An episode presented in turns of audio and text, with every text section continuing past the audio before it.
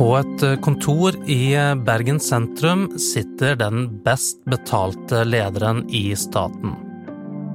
Siden 2006 har Joakim Høeg Krohn fått utbetalt over 135 millioner kroner.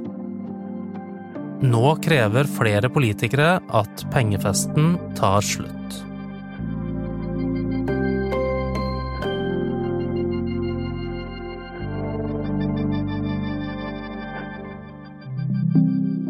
Strømprisene er rekordhøye i Sør-Norge i dag, men allerede i morgen blir rekorden grundig slått. Bakteppet er jo en pandemi som har ført til dyrere råvarer. I tillegg tar energiprisene skutt i været. Norges Banks komité for pengepolitikk og finansiell stabilitet har enstemmig besluttet å heve styringsrenten fra 0,5 til 0,75% Det er blitt trangere tider for mange. Prisene stiger, renten er på vei opp, og strømkrisen varer og varer. Lønnsoppgjøret har vært knallhardt i år, og lærerne gjør seg klar til streik. Men i en mursteinsbygning like ved Bergenhus festning sitter det en som ikke trenger å bekymre seg for lommeboken. Det var litt morsomt. Vi satt jo oss inn i Vi fikk jo svaret fra styret der i går klokka ni, så vi satt jo oppe natta. Jeg hørte det. Det var den du hører her, er Kyrre Kjellevold.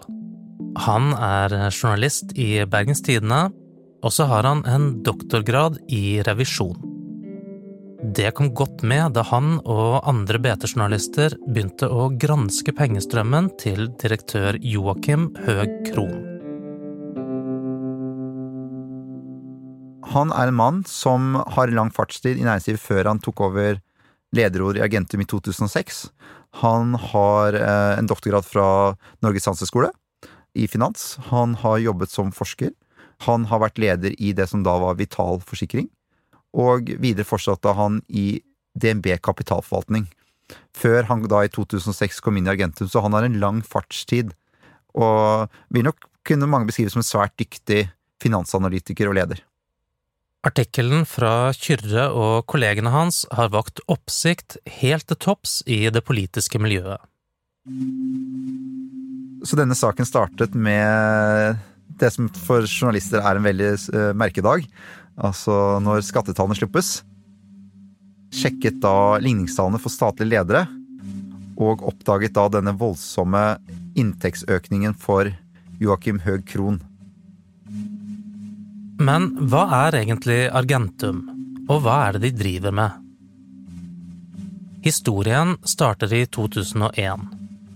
Da bestemmer Stortinget seg for å hjelpe bedrifter som er i oppstartsfasen og trenger kapital. Det kan eksempel være et sparkesykkelselskap som vil utvide driften og trenger penger til å kjøpe flere sparkesykler. Så det Stortinget gjør, er å opprette Argentum. Jobben deres er å plassere statens penger i investeringsfond. Og disse fondene kjøper andeler i oppstartsbedriftene. For eksempel eier staten en liten del av sparkesykkelselskapet Ride gjennom et fond som er registrert på øyen Jersey i Den engelske kanal. Tanken er vel å var å bygge opp infrastrukturen som kreves i finansverdenen, så de fikk tilført en stor sum penger fra staten med det formålet. I 2006 blir Joakim Høeg Krohn ansatt som direktør i Argentum, som har 27 medarbeidere i Bergen og Oslo. Han får en god lønn. Helt fra starten av så tjener han langt mer enn statsministeren, for eksempel. I tillegg får han bonus. Men på toppen av det kommer det en helt spesiell ordning som virkelig har fått pengene hans til å yngle. Altså, det skulle være en ordning som bidro til å motivere han til å yte i tråd med selskapets ønsker. Og det er slik at i næringslivet så er det gjerne en utbredt oppfatning at eierne ønsker at lederne skal ha samme interesser som dem. Og for å få til det, så må lederne få lov til å være med på oppsiden og nedsiden til hvordan det går med selskapet. Såkalt ha et skin in the game, som man sier i USA. Så det som skjedde da, var at Argentum opprettet et selskap som het Brabenken Partner. Dette selskapet skulle investere i akkurat de samme fondsandelene som Argentum. Altså det skulle ha en helt lik portefølje, som man sier. Så hvis Argentum gjorde det bra, så ville også verdiene til Bradbenkepartners øke. Bradbenken Partner blir altså opprettet for å motivere medarbeiderne i Argentum til enda bedre resultater. Et knippe ledende ansatte i Argentum, med direktøren i spissen, får være med i den gullkantede Bradbenken-ordningen. Det spesielle med den er at det aller meste av pengene som blir skutt inn i Bradbenken Partner, kommer fra skattebetalerne. Bare en liten del kommer fra de ansatte. Men når fortjenesten skal fordeles, er rollene snudd.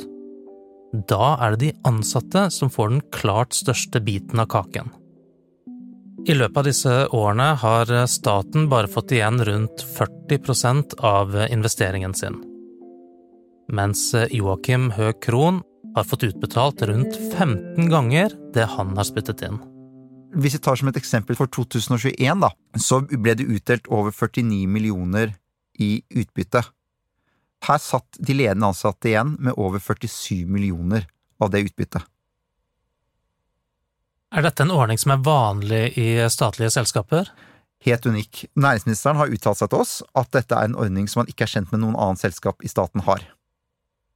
Hvor mye har Høkron fått uh, gjennom sine år i Argentum? Siden 2006 og frem til 2021 så har han mottatt over 135 millioner kroner i lønn, bonus og utbytte fra Brabenken-ordningen. 135 millioner. 135 millioner. Jeg tror ikke det vil eksistere i norgeshistorien en person som har mottatt så mye gjennom en statlig lederstilling. Nå har vi jo nettopp vært gjennom et uh, lønnsoppgjør. Hvordan har inntektsutviklingen vært for uh, Joakim uh, Høeg Krohn sammenlignet med andre yrkesgrupper? Nei, ingen kan jo sammenligne seg med det han har oppnådd i samlede utbetalinger og vekst i utbetalingene siden 2006. Så i 2006 tilsvarte utbetalingene hans 10-11 industriarbeidere, mens i 2021 tilsvarte utbetalingen hans 47 industriarbeidere. Og vi har jo sammenlignet tallene med, mot andre statlige i samme periode, og det er ingen tvil om at Høkron samlet sett har hatt en vekst som er uten sidestykke.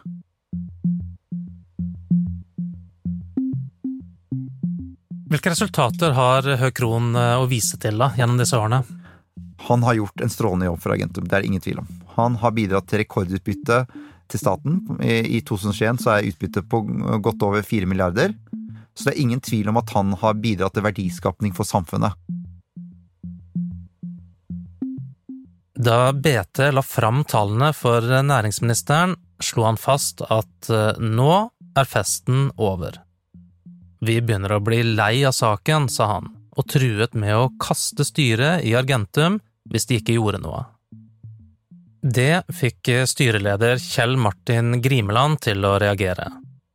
Han svarte at eh, ordningen har blitt vurdert flere ganger, også av den politiske ledelsen, og at politikerne har konkludert med at dette er en bindende avtale.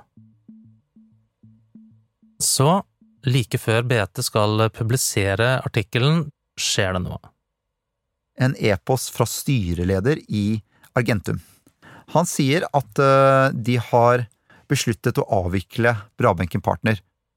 Da hadde han et par dager før sagt til oss at han undret seg over næringsministerens uttalelse.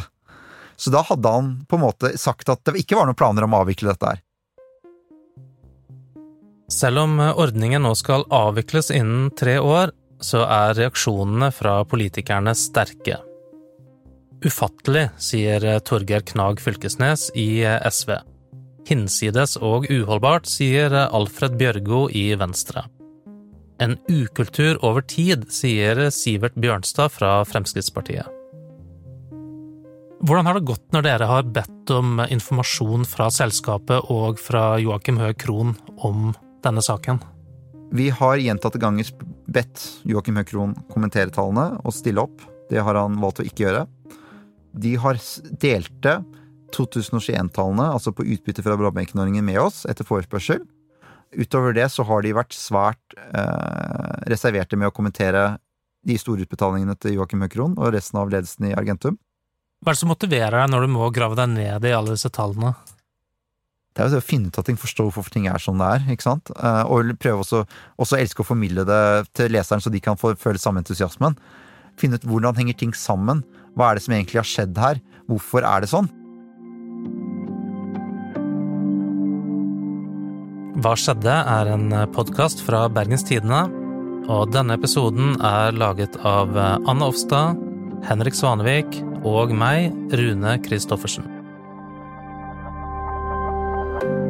Fortell gjerne om oss til en venn hvis du likte det du hørte. Klippene du hørte, var fra NRK.